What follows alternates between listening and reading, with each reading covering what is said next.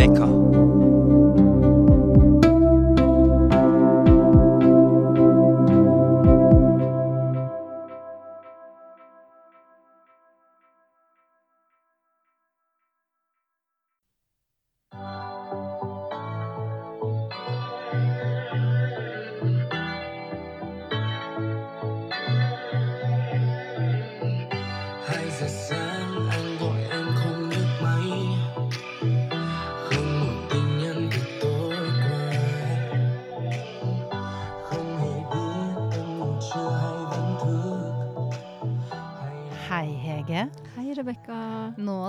Starter vi denne podkasten med å digge litt denne eh, kule sangen, må vi vel nesten si. Det er jo koronasangen, er det ikke det? Fortell litt om det. Jo, og den skaper jo nesten god stemning. Vi sitter jo her og liksom har noen moves, vi nå. Men dette er en sang som er laget om covid-19.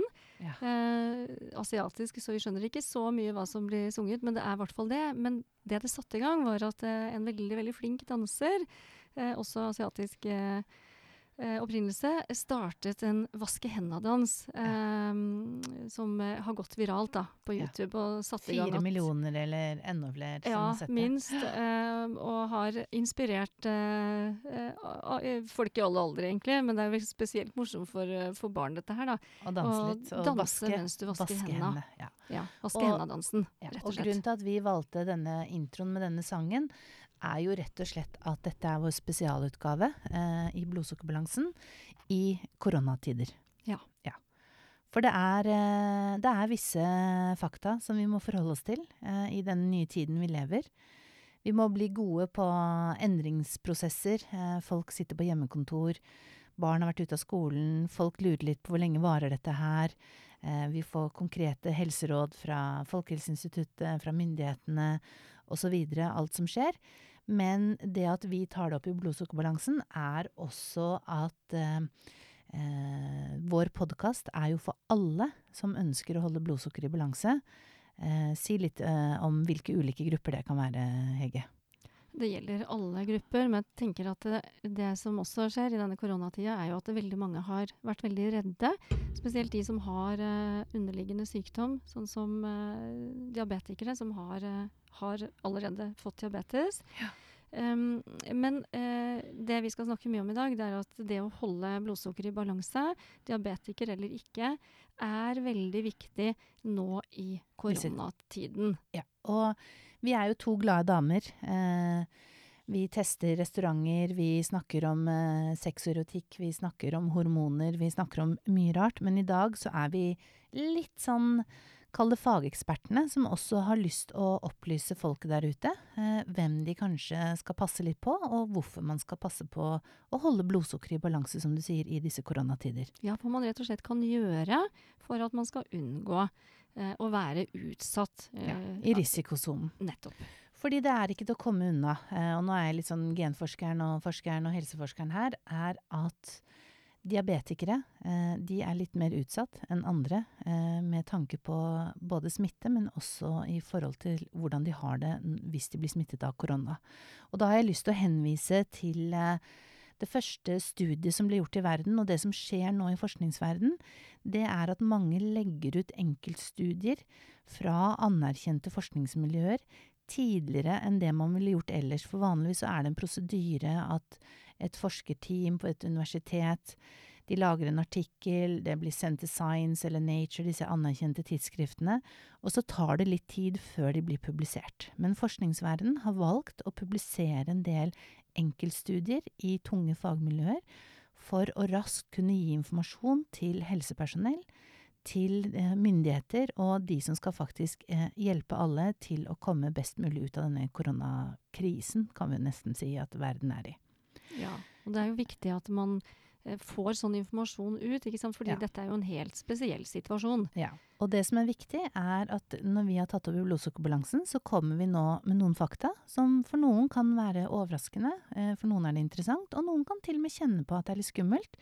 Men da vil vi si, før vi kommer med, med informasjon, at vi har selvfølgelig mange gode løsninger på hva du kan gjøre for å eh, styrke din egen kropp, styrke ditt eget sinn, til å være rustet i koronatiden, uansett om du eh, er diabetiker eller ikke diabetiker. Ja, og Ja. kanskje da bli mindre redd, fordi man kan ta mer kontroll over det, kanskje. Ja, og faguttrykket for å få mer informasjon og kunnskap som gjør deg trygg, det kaller vi i helseverden for empowerment. Så det jeg har lyst til å henvise til først, det er et studie som eh, kom ut i mai i, nå i år, som var i Storbritannia, og som er det første studiet i verden som faktisk så om det er en forskjell på de som har diabetes 1 og de som har diabetes 2. Kan ikke du veldig kort bare fortelle lytterne, for de som ikke helt vet det, forskjellen på å være, ha diabetes 1 kontra det å ha diabetes 2? Ja. Type 1-diabetes det er noe som vi kaller for en autoimmun sykdom. Og det betyr egentlig at eh, ditt eget immunforsvar ødelegger noe i kroppen. Og her altså ødelegger man de insulinproduserende cellene, Mm. sånn at man mister denne insulinproduksjonen i kroppen sin. Og den er helt uh, livsnødvendig. Ja. Slik at uh, den som har type 1-diabetes, uh, må få insulin da tilsatt eh, eh, enten gjennom injeksjoner, altså sprøyter, eller pumpe. Mm. Og det er man helt avhengig av. Eh, og dette er jo på en måte noe man eh, ikke har kunnet påføre seg selv. eh, har ingenting med, med livsstil å gjøre. Så, så, så det, Det er den ene typen. det er den ene typen. Mens på en måte type 2-diabetes kalles jo mer en, en livsstilssykdom. Mm. Eller litt arvelig. Det er eh, sånn at hvis, det, hvis du ikke har eh, noen gener som tillater at du blir syk, så blir du det ikke. Så det er noe arv der. Mm. Eh, men det er en kombinasjon mellom arv og livsstil veldig for type 2. Så Ja. noen har en type 2-diabetes som er mer, eh, skyldes mer livsstilen, mens andre skyldes det mer arv, men en kombinasjon. Eh, Og det, de mangler stort sett ikke insulin. Det er det motsatte som skjer, at de Mm. har en overproduksjon. Og har dette som vi kaller for insulinresistens. Så det er en metabolsk sykdom. Så er Ja. Og det er to veldig forskjellige sykdommer. Altså Fellesnevneren er jo at de har problemer med blodsukkeret. At det liksom tillates å bli for høyt i kroppen. Og det vi sier er at de vi lettest kan hjelpe når vi snakker diabetespasienter, er diabetes 2. Men, men alle, enten du har diabetes 1 eller ikke har diabetes i det hele tatt, har godt av våre livsstilsråd. Fordi dette er godt for alle, både store og små. Det er de samme tingene som påvirker blodsukkeret vårt, Ja. uansett hvem vi er. Ja. Eh, så de rådene vi kommer med, de kan gagne alle. Ja, det kan alle gjøre. For å dra det litt tilbake til dette studiet i Storbritannia, eh, så er dette gjort da fra National Health Service. Eh, og som jeg sa, eh, det er kommet tidligere ut enn det man vanligvis er vant til, fordi man vil dele den informasjonen. Og de er de første i verden som faktisk så på gruppen diabetikere og delte diabetes 1 og 2. Eh, det er jo triste tall vi skal snakke om nå, men fra 1. mars til 11. mai så var det faktisk 23 804 mennesker som døde i Storbritannia av eh, korona. Eh, Storbritannia er det landet i Europa som har hatt eh, et veldig høyt antall døende. Og det som man da så, og som denne studien viser, det er at en tredjedel av disse som døde eh, mellom 1. mars og 11. mai, det var diabetikere. Det er et veldig høyt tall. Ja, Det er et høyt tall. Og det, man, det forskerne også fant ut, var at hvis du eh, har diabetes type 1, så har du tre og en halv ganger så stor sjanse for å dø av korona hvis du blir smittet. Det som er kanskje litt eh, enda mer på en måte overraskende, selv om noen fagpersoner sier det ikke er overraskende, er at dobbelt så mange, altså syv ganger eh, risikoen for å dø av korona, er hvis du har diabetes 2. Så dette, dette er høye tall. Um, og du kan si Det som uh, man da kan uh, selvfølgelig se på, er litt sånn som du var inne på i sted, Hege, at uh, det er på en måte mer en livsstilssykdom. Så veldig mange som har diabetes 2, har jo andre former for plager. Kan du si noen av de? De har ofte andre metabolske problemer. Eh, som handler om eh, overvekt. Eh, det handler om høyt blodtrykk, kanskje. Høye kolesterolverdier, eller uheldige kolesterolverdier. Ja. Altså hjerte- og karproblematikk. Det hører liksom ofte med. Overvekt, røyking. Overvekt, røyking, inaktivitet. Ja. Eh, og man ser på samme måte at dette med uh, overvekt eller uh, veldig høy BMI også uh, da har mye høyere dødstall. Og da er det viktig å si at de har ikke noe høyere risiko for å bli smittet, egentlig. Det, det blir de samme uh, hensyna som alle, alle Ja. mennesker må ta, men, men de blir Det er en større risikogruppe. Ja, de blir mer syke og, og, og kan lettere dø av dette. Ja. Um, Og så har, vi, så har vi sånn som en som har uttalt seg mye i pressen, som er overlege Trond Geir Jensen ved Oslo universitetssykehus, og som også er medisinsk rådgiver eh, for Diabetesforbundet. Han har også kommet eh, ofte frem med dette poenget at eh, eh, veldig mange eldre får på et eller annet tidspunkt eh, diabetes 2, i hvert fall hvis du ikke på en måte bevisst jobber for å ikke få det. Så du kan si, når forskerne liksom skal forklare hvorfor det er så mange, f.eks. i dette tilfellet i Storbritannia, at det er så mange av diabetikerne som, som er blitt smittet og som dør, altså en tredjedel av de 23 804 som er diabetikere, så sier de at ja, de har diabetes 2, men det kan være aldersrelatert også, og det kan også være i forhold til disse andre tilleggsfaktorene som, som du nevnte i sted. Eh, Og når man justerer det sjansen for å på bli mer smittet, når de gjør alle disse på en måte, hva skal si, forskningsmessige analysene, så sier man at risikoen eh, for å dø av korona eh, hvis du har eh, diabetes 1, den ligger da på 2,86, mens for type 2 så er det 1,81. Altså da er det plutselig litt omvendt, da er det plutselig lettere på en måte å få det. Men samtidig, det er når du skal forstå hvorfor det er en sånn stor gruppe. De harde fakta, de empiriske dataene, er at det er veldig mange som har diabetes 2, som er en spesielt utsatt gruppe i disse koronatider. Ja, for de har ofte et sammensatt problem. De har flere eh, metabolske problemer, altså hjerte- og ja. karrisiko. Eh, så, Så- totalrisikoen for ja. disse er veldig høy. Ja. Så når, når forskerne snakker om at å ja, men da er risikoen litt mindre fordi vi ser på andre tingene, så endrer ikke det faktum at det er mange som, som, som blir syke og som dør av det, som har diabetes. Men hvis man går litt i surr når vi snakker om dette her, for det er jo ikke alle som på en måte er håper å si sånn som oss eh, fageksperter på, på, på medisin og helse rundt dette her, eh, så lager vi også en artikkel eh, i livslystmagasinet.net eh, som omhandler korona og diabetes, og da vil vi også linke til ulike studier og, og uttalelser fra andre fagpersoner på dette. Så hvis du vil fordype deg, så vil du kunne lese dette i livslystmagasinet.net. Men eh, du hadde også et annet eh, studie som kom fra USA. Fortell litt om det. Der var det 1000 individer som ble testet fra, fra mars og april. Fortell litt om det det. var også mars og, mars og april, ja. Mm. i den perioden. eh, og der viste det seg at eh, de som ikke hadde diabetesdiagnosen, som for så vidt da var friske sånn sett, Mm. eh, men eh, hadde litt forhøyet blodsukker, litt eller litt mer, Og det har vi jo Eh, testet tidligere. Jeg har jo hatt testet det, hadde litt høyt, ble justert og sånne ting. Så dette gjelder da de som ikke har fått diagnosen diabetes? de som ikke har fått diagnosen. Men man kan anta at veldig mange av disse eh, personene hadde en prediabetes, altså at hadde de fått ordentlig blitt testet på forhånd, at man ser at de er nok på vei kanskje til å få diabetes, men dette var også personer som eh, hadde hatt normale blodsukker eh, testet før, men at de mens de lå på sykehus og var syke, da hadde litt høyere blodsukker enn normalen, Mm. så hadde de også veldig mye større dødelighet. Sånn Ja. at det viser seg at eh, bare det å ha litt høyere blodsukker enn det som er helt normalt, Ja. er eh, veldig risikofylt eh, også når det gjelder eh, risiko for å dø av covid-19, eh, som så mye annet som vi vet fra forskning, at, eh, at man eh, har risiko for stort sett det meste Ja. hvis man har eh, forhøyet blodsukker.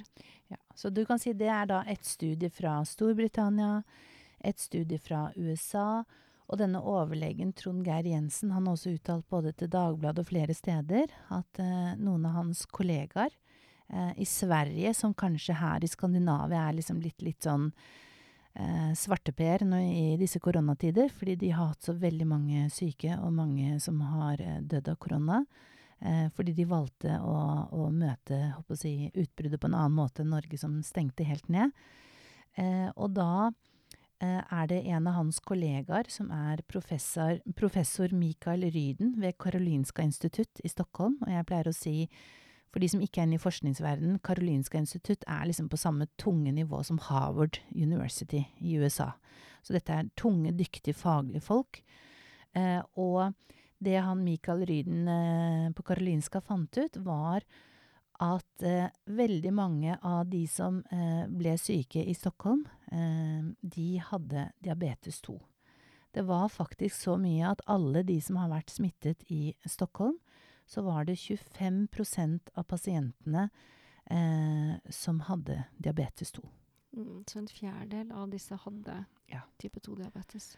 I tillegg eh, så kom, eh, særlig Stockholm, var kanskje først ute i Skandinavia med å fortelle det faktum som vi også i Blodsukkerbalansen syns er viktig, og at det er viktig at vi tar et ansvar i Norge. Eh, og det man så i Sverige, at veldig mange av disse pasientene som hadde diabetes 2 i Sverige, eh, og som ble alvorlig syke eller døde av det, de var eh, fra De kom fra Midtøsten og Afrika.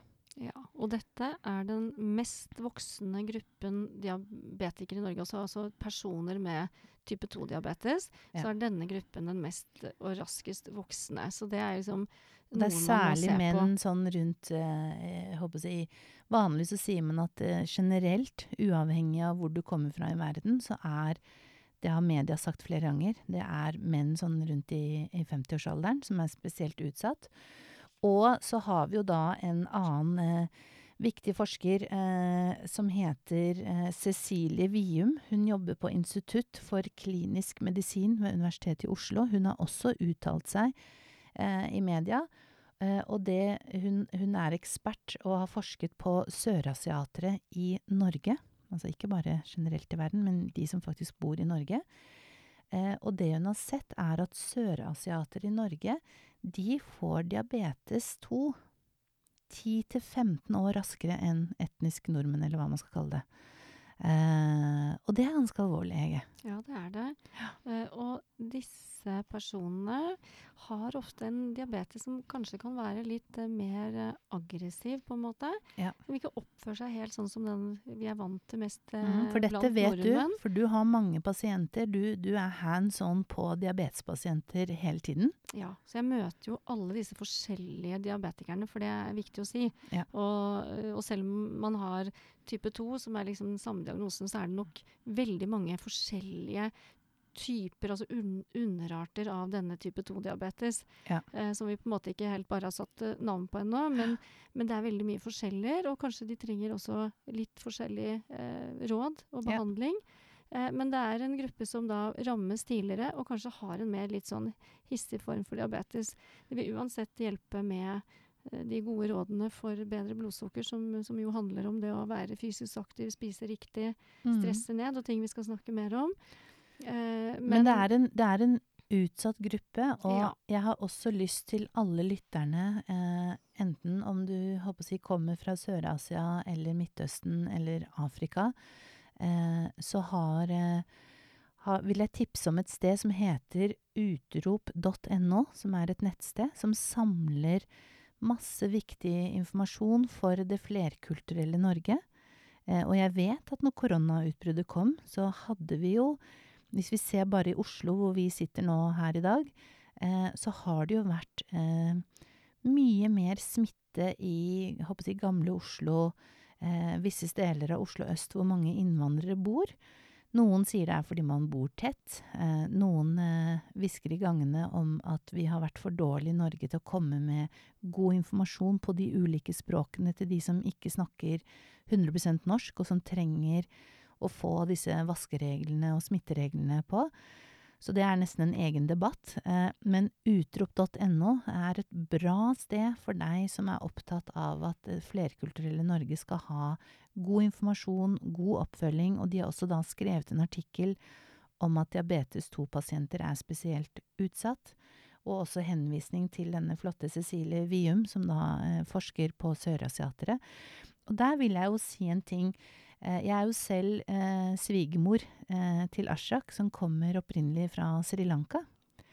Og han gjorde meg oppmerksom, for vi tenker jo ofte når vi tenker Asia, så tenker vi kinesere og japanere. Men fortell, Hege, vi har til og med vært inne på Wikipedia eller noe sånt. Hvem, ja, er, det, hva, hvem er det vi hva definerer som sørasiatere, sånn at Ja. lytterne skjønner hvem vi egentlig snakker om? For det er tydelig at vi definerer annerledes enn de gjør selv, og det, Ja. de, de vet antageligvis best. Ja, ja. Ja, nei, det var jo um, Sri Lanka, som din kjære svigersønn er fra. ja. Det var også India. Eh, det var Pakistan. Ja, Pakistan uh, tenker man ofte ikke liksom at Er nei. de sørasiatere, liksom? Ja. Ja. Og så var det Maldivene. Mm. Um, ja, husker du flere? Nepal? Fra, Nepal var også med der. Eh, Bangladesh. Jeg tror det. Ja. Eh, det var ikke så mange flere. Eh, men det var kanskje litt annerledes enn vi eh, definerer det som, så det er jo greit å vite. Ja, og jeg tenker der er det litt sånn, der trenger vi litt sånn generell folkeopplysning. Fordi du kan si når vi nå refererer til han professoren på Karolinska som sier at 25 av eh, de som eh, var hoppes den utsatte gruppen i Stockholm, var, var diabetikere, og at Mm. flesteparten kom fra Midtøsten og Afrika. For Midtøsten, det blir jo litt mer sånn Persia, Qatar og sånne ting. Så jeg tror faktisk at Ola Nordmann og Kari Nordmann, vi må, vi må skjønne litt hvem det er snakk om. Og jeg syns vi også skal løfte opp informasjon, og ikke minst forskning og studier på den gruppen som både, som vi vet, får eh, raskere diabetes, som du også sier, kanskje ulike former for diabetes. Og uansett om vi ser til andre land eller vårt eget land, så, så må vi passe litt ekstra på våre flerkulturelle eh, nye landsmenn. Ja, og jeg tenker at eh, det kan handle mye om de Altså i forhold til at disse får eh, diabetes tidligere, eh, er mer utsatt. Det kan være språkbarrierer der. Eh, Mhm. det kan det også være i forhold til dette med at man fikk mer smitte blant eh, den eh, delen av befolkningen. Så, så språkbarrieren har nok noe å si, og også selvfølgelig kulturelle forskjeller. Eh, så, så det er veldig viktig dette med å gi informasjon på ulike språk. Ja, og så Eh. er det viktig å gi konkrete, enkle råd for å holde blodsukkeret i balanse, tenker jeg. Ja, det tror jeg det er veldig, veldig viktig. At det, det, må være praktisk. Ja, eh. Og forståelig. Ja. Og ikke minst, eh, vi skal komme litt inn på det etterpå, fordi alle går rundt og spør hvor lenge skal denne koronatiden vare. Eh, så og det vet vi ikke. Nei, ikke sant. Så, så, så det er litt viktig at vi på en måte også er forberedt på det. Men jeg har også lyst helt, eh, før vi skal komme med litt våre personlige råd, fordi nå har vi kommet med en del fakta. Eh, Diabetesforbundet, som selvfølgelig er eh, engasjert i dette her, og det her kan man finne masse nyttig informasjon på diabetesforbundet.no. Så de er også ute og sier at de som har diabetes 2 er mer utsatt. Men de sier også noe veldig hyggelig. De sier at hvis du som da har diabetes 2, eh, har svært god kontroll på blodsukkeret ditt, så blir du ikke fortere smittet av korona enn om du ikke har diabetes. Nei, det er nettopp det det handler om. Akkurat som studiene viser også, at det, hvis blodsukkeret er for høyt, Ja. så er det da du er utsatt. Utsatt. Så Som- det handler om for eh, alle. Mm. Det er en le litt lettere jobb for oss som ikke har diabetes, enn de som har det, men det handler for alle om å holde blodsukkeret så normalt og stabilt som mulig. Og du kan si eh, det som er viktig da, det er også at eh, vi har vært litt inne på det i ulike podkaster. At det ene er selvfølgelig dette her med, med mat eh, og kostholdstips. Det handler om stress, det handler om fysisk aktivitet.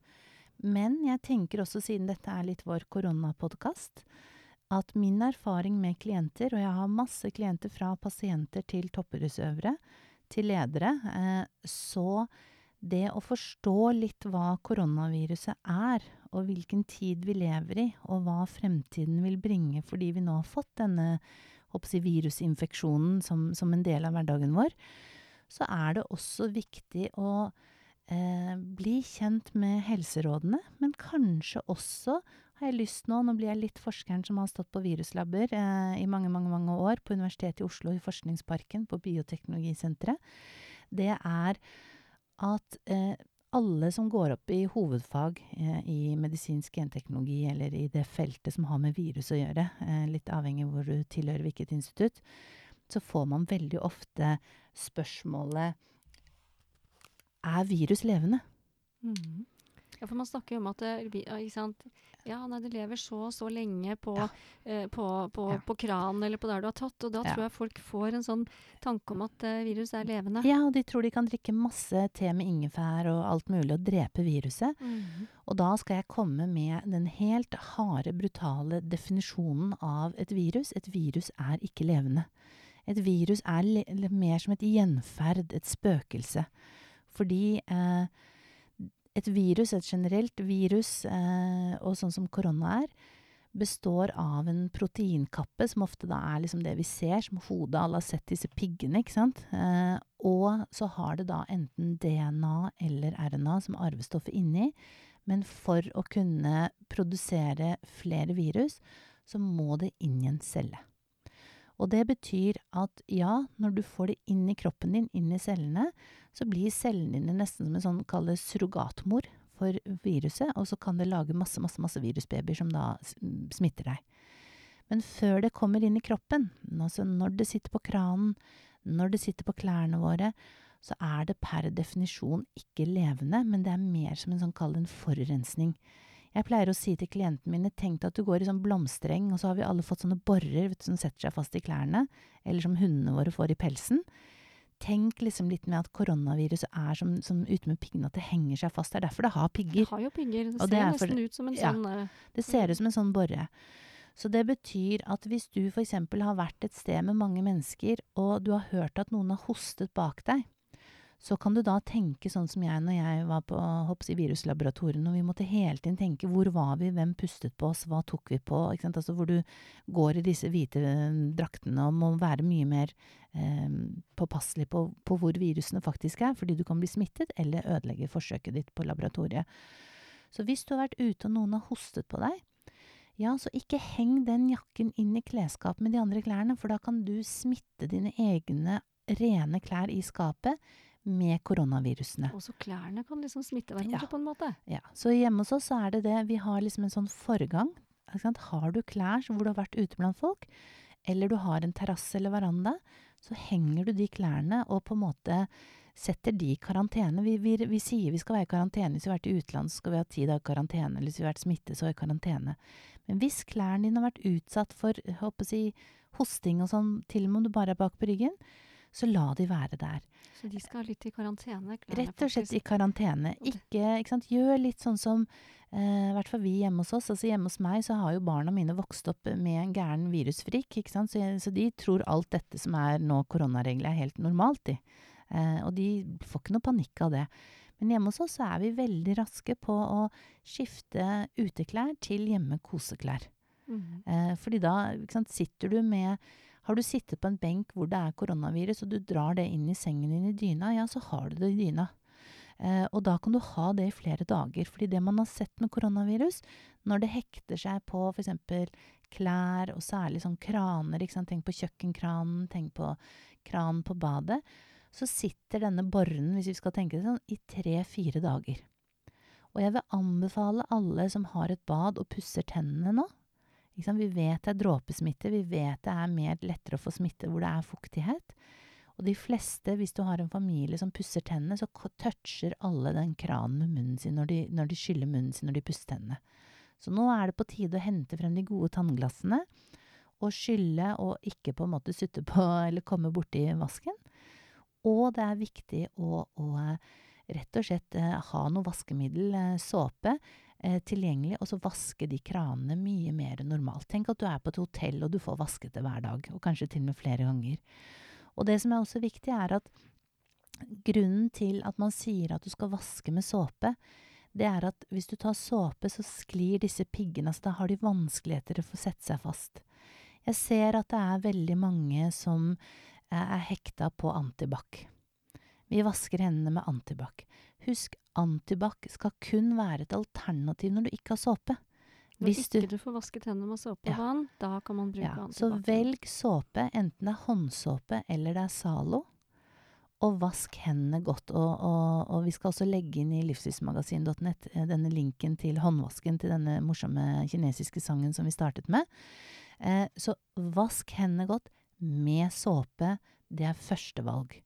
Hvis du ikke har såpe tilgjengelig, så kan du bruke antibac, for det er bedre enn bare vann. Fordi hvis du bare tar vann, så holder disse virusene seg fast. For husk på, de er sånne gjenferd. De er sant. De vil henge seg på uansett. Men det mange gjør feil når de bruker antibac, og dette er sånn typisk vi også gjør på laboratorier, så blir man jo veldig tørr på hendene, og noen ganger så blir du så tørr at hendene sprekker opp, særlig på små barn som blir dynket ned nå i antibac av foreldrene sine. Og når du da får sprekker og tørre hender, ja, det er som å si velkommen inn til koronavirus.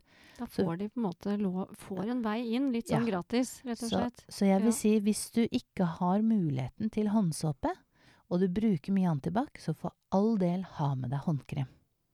Så det må ligge både antibac og håndkrem i, i, i veska. Ja. Og det beste er å vaske hendene Ja. eh, med såpe og vann. Ja. Jeg tenker at mye av de rådene som du kommer med nå, Rebekka, det er det mange som ikke kjenner til. Nei. Vi kjenner til de som er mer Vanlig. vanlige.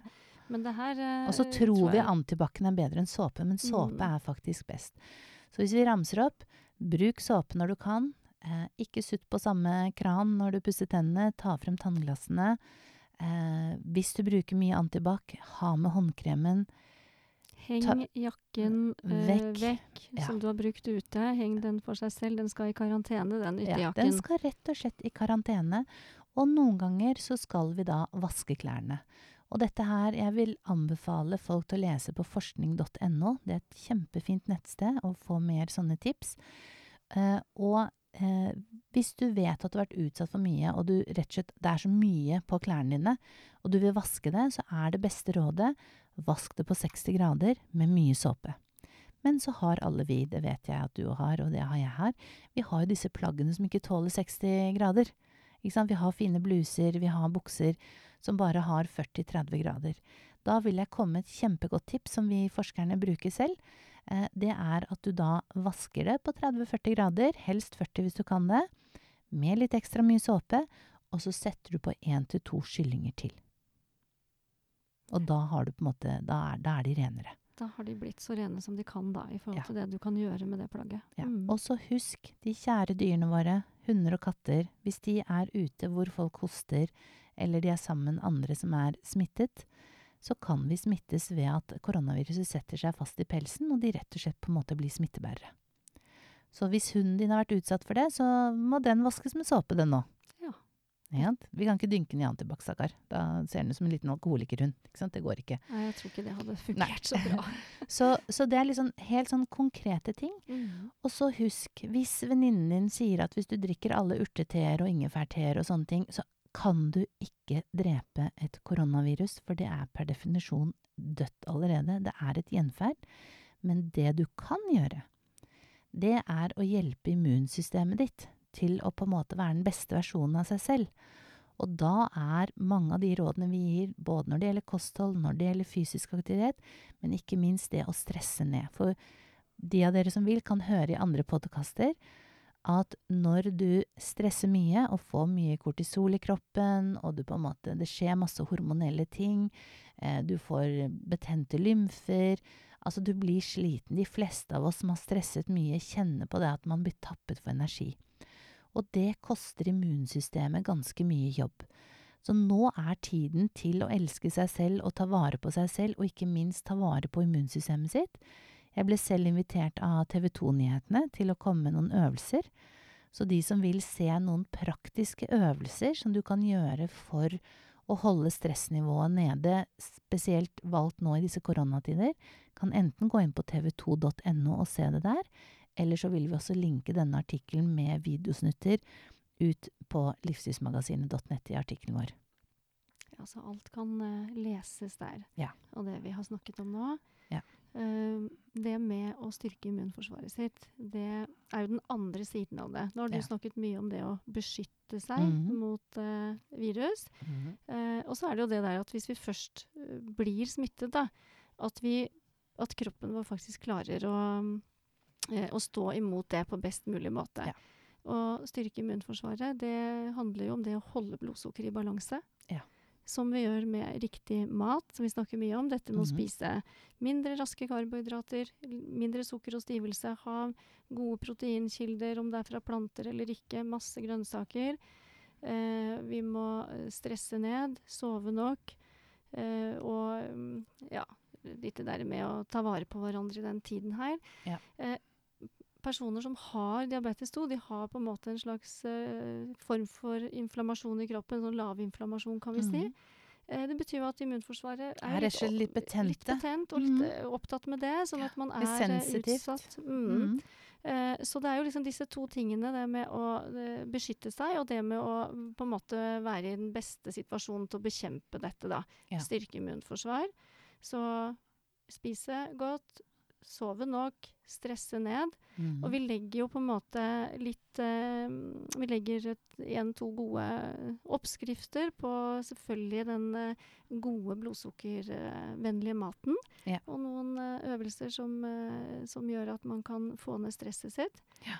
Um, ja. Og da kan det være, ikke sant altså, Og jeg husker sånn fra andre podkaster som vi har snakket, som jeg selv syns har vært morsomt på denne reisen når vi sitter sammen og har denne podkasten, at har du f.eks. sånn at du spiser frukt, så spis noen, var det ikke mandler?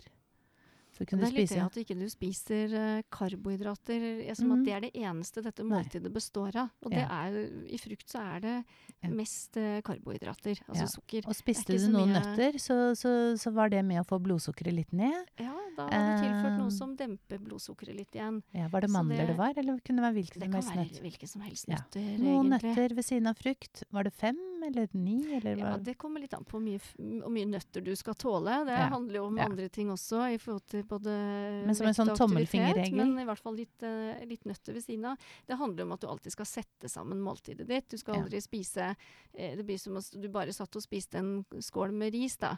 Det som er forskjellen, er jo selvfølgelig frukt er sunnere enn ris uansett, men at du Mhm. spiser noe som bare har karbohydrater, så vil blodsukkeret stige veldig fort og mye. Så for du karbohydrater er jo det- Med ja. som ikke får blodsukkeret til å stige mye, som er proteiner eh, og fett. Ja. Eh, så mm, det er jo sånn Ja. Og så hadde du et annet tips, at hvis man spiser brød, som for så vidt har en del karbohydrater Og det som er viktig, er at karbohydrater er jo det som brytes ned til glukose.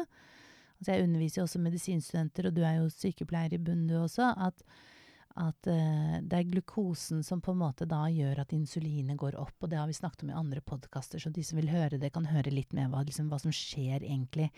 Uh, men, men så hadde dette her at du kunne riste brødet. Ja, du kan riste brødet, og mm. da blir det faktisk eh, mindre blodsukkerstigning av det brødet. Ja. Og hvis du har veldig lyst på potet, også ris og pasta, men potet er sunnere, da, Ja. eh, til, eh, til en rett det hører hjemme til, syns du, så er det veldig lurt at du har kokt poteten på forhånd, så blir den, la den bli helt kald, Ja, og så kan du Varme den opp bruke den. igjen. Du kan godt varme den opp igjen, Ja. Eh, men den har da 10% mindre blodsukkerstigning. Ja. Det er viktig å si at hvis du gjør det samme med ris eller pasta, så må den oppbevares i kjøleskapet for å bli helt kald. For ellers, eh, Ris og kan? Det, ja, for ellers Ja. kan det vokse noen veldig farlige bakterier i, i ris og pasta hvis det blir stående i romtemperatur.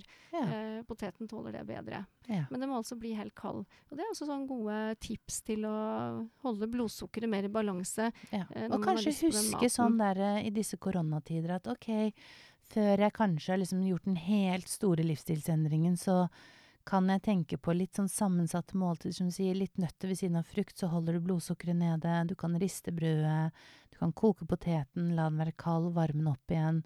Gjør det samme med pastaris, men da må du sette i kjøleskapet. Altså dette er gode sånne små huskeregler, samtidig som jeg tror det også gjør at du mentalt er forberedt på at du skal gjøre en lengre livsstilsendring. Dette, dette er sånne gode fun facts som er morsomt å vite. Ja, for det skal jo ikke bare vare nå, liksom, i en sånn periode. Dette er jo noe man bør etablere som, eh, som gode tanker rundt det å spise mer blodsukkervennlig.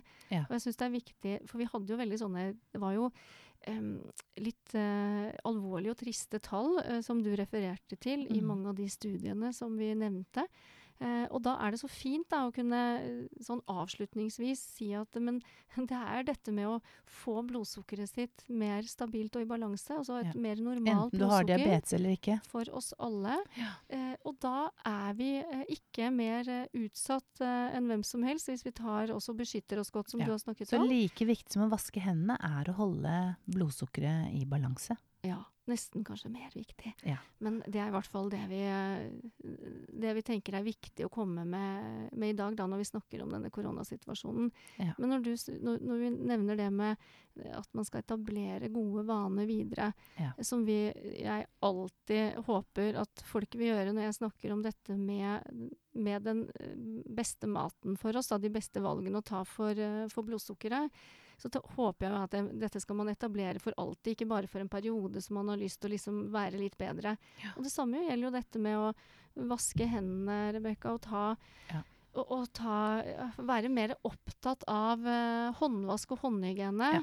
Eh, at det er også noe som eh, alle, alle vi eh, bør ta med oss videre, etablere som bedre vaner enn vi hadde før. Ja, noen har, har- det, og noen har veldig dårlige vaner i forhold til håndvask. Vi har masse sykehusinfeksjoner i Ja. Norge.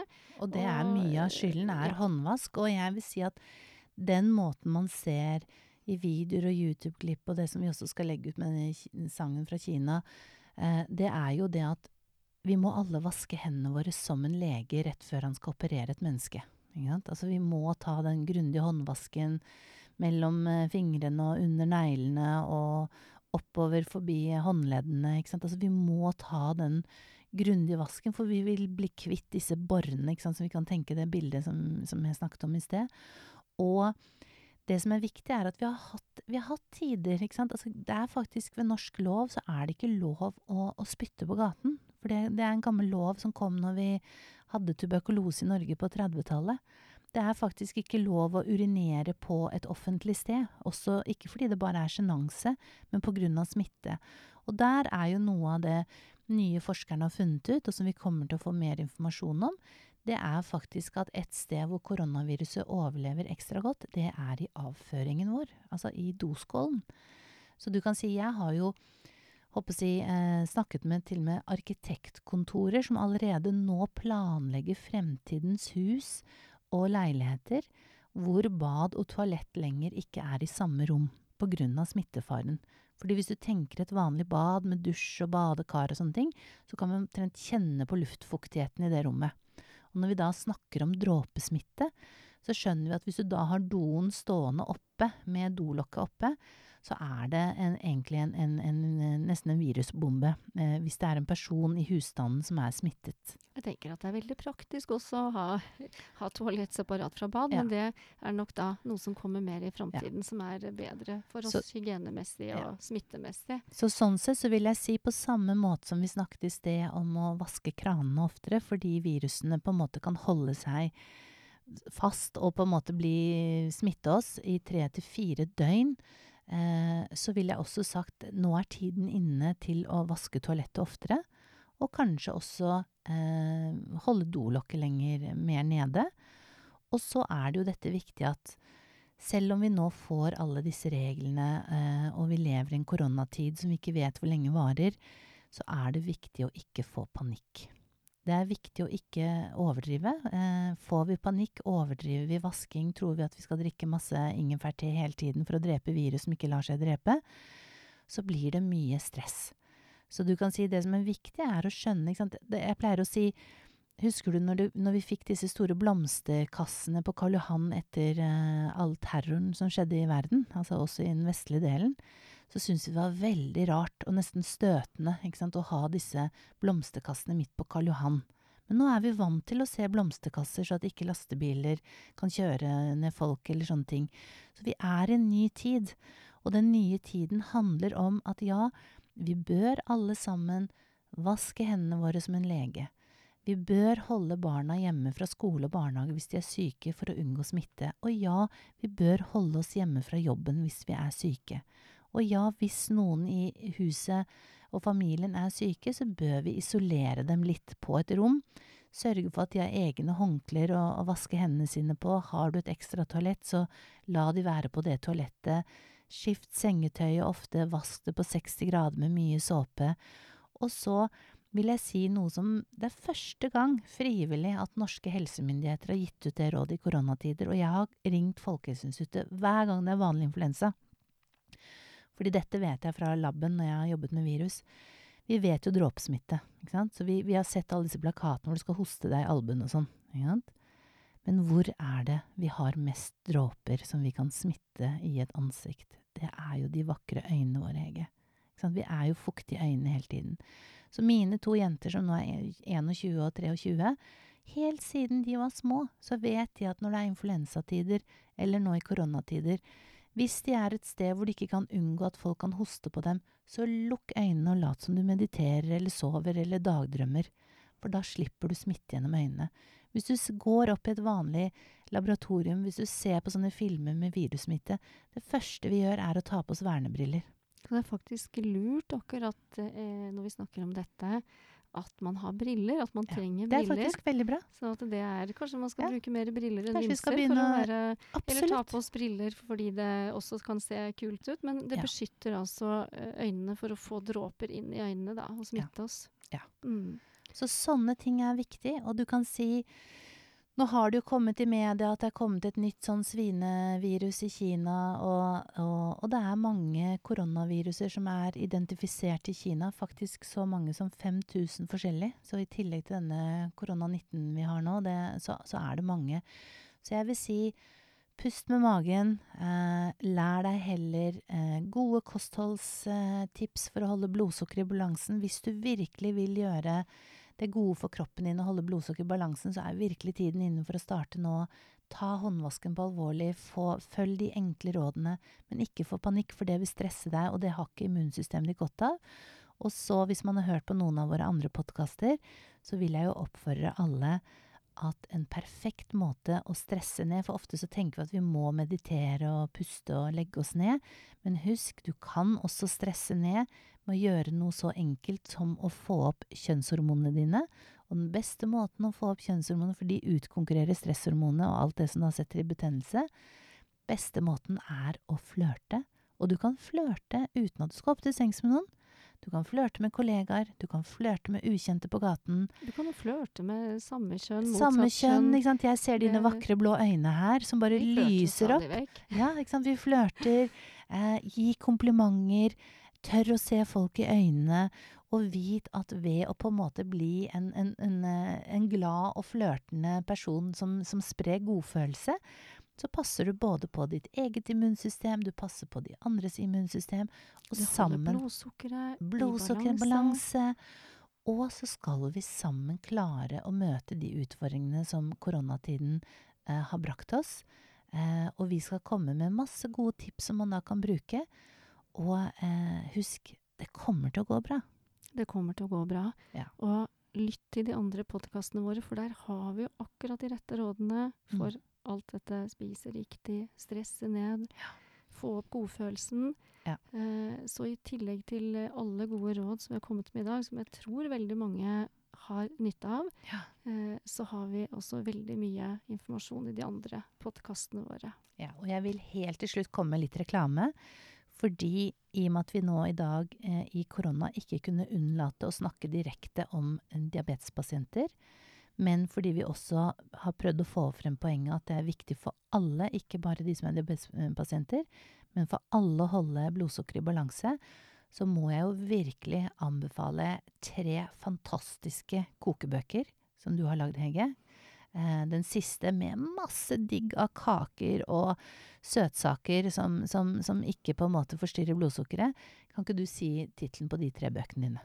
Ja, den siste først, da kanskje, Mhm. som heter Søtt og sukkerfritt. Som har mm, all slags gode eh, kaker, desserter, eh, godteri, også drikker. Eh, som ikke da påvirker blodsukkeret vårt negativt, for Ja. vi skal alle kose oss. Um, så, så den, den er ikke bare laget for personer med diabetes. Det er hele poenget. Men for alle som Ja. bør holde blodsukkeret i balanse. Og det er jo oss alle, som sagt. Og så har jeg tidligere kommet med, sammen med min kjære forfatterkollega Gunn Karin, eh, skrevet eh, diabetesboka 'Spis eh, riktig og bli friskere'. Ja. og den praktiske diabetesboka. Ja. Der står det veldig mye om alt det som er viktig for å holde blodsukkeret i balanse. Masse lekre bilder, oppskrifter. Masse god mat og mye gode tips på, på, på dette med fysisk aktivitet, stressmestring og Ja. ja. noe som vi alltid snakker mye om, Rebekka. Og jeg vil jo si at nettopp for å poengtere at du ikke trenger å være en diabetespasient for å ha glede av disse bøkene, så er jo min yngste datter, eh, som er toppidrettsøver og profesjonell ballerina på Nasjonalballetten, hun digger de kokebøkene. Ja, det er gøy å høre. Ja. Dette er jo litt sånn yngre, kul jente, Ja, ja. eh, og som er opptatt av eh, å Hun må- prestere. ja ikke hun sant? må hun ha må god energi. prestere. Ja. Eh, så det er jeg glad for å høre. Men det er nettopp det da, som er litt poenget. Det passer for eh, alle å spise, å spise sånn. Så hvis ikke du kan klemme så mange nå i disse koronatider, så ta i hvert fall sammen og lag god og eh, blodsukkerbalanserende mat. Veldig godt råd. Og flørt litt. Ja. Kjempefint, Ege. Da håper jeg vi ga folk litt råd. Og ellers så vil vi selvfølgelig oppfordre alle til å følge vår normale blodsukkerpodkast. Mm. Eh, både på Spotify og andre kanaler hvor du kan høre podkaster. Så skal vel vi vaske hendene. Ja, ja, det skal vi! Nå skal vi vaske hendene, skal og vi vi skal danse hendene. litt. For det er veldig mye gøyere å vaske hendene etter en dans. Ikke sant? Så vi setter på denne og begynner å vaske. Jeg vet ikke om jeg skal vaske eller danse eller gjøre det samtidig. Vi vasker og danser samtidig mens vi takker for oss. Ja, Vi kan ikke kinesisk, men vi kan vaske hendene.